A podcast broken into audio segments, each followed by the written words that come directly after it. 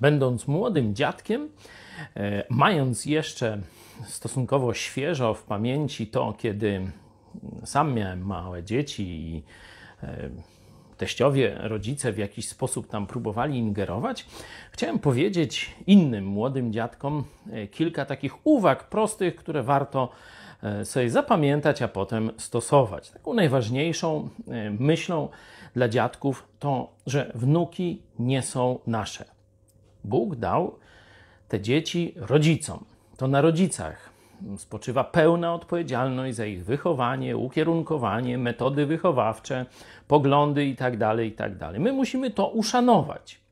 Oczywiście wspaniale jest, kiedy dzielimy te same poglądy, mamy te same normy wychowawcze, tak samo chcielibyśmy tak samo wprowadzać dyscyplinę, czy, czy uczyć nasze dzieci, wtedy to jest łatwiejsze, nie? bo praktycznie nie ma konfliktu.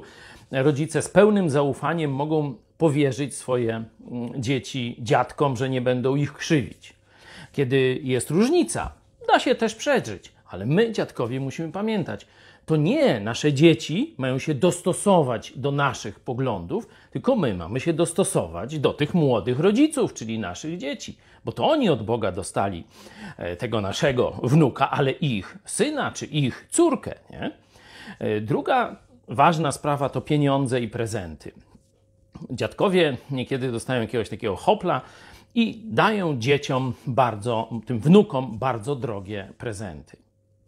No to z jednej strony jest niewychowawcze, ale to też może być e, dla waszych dzieci problem.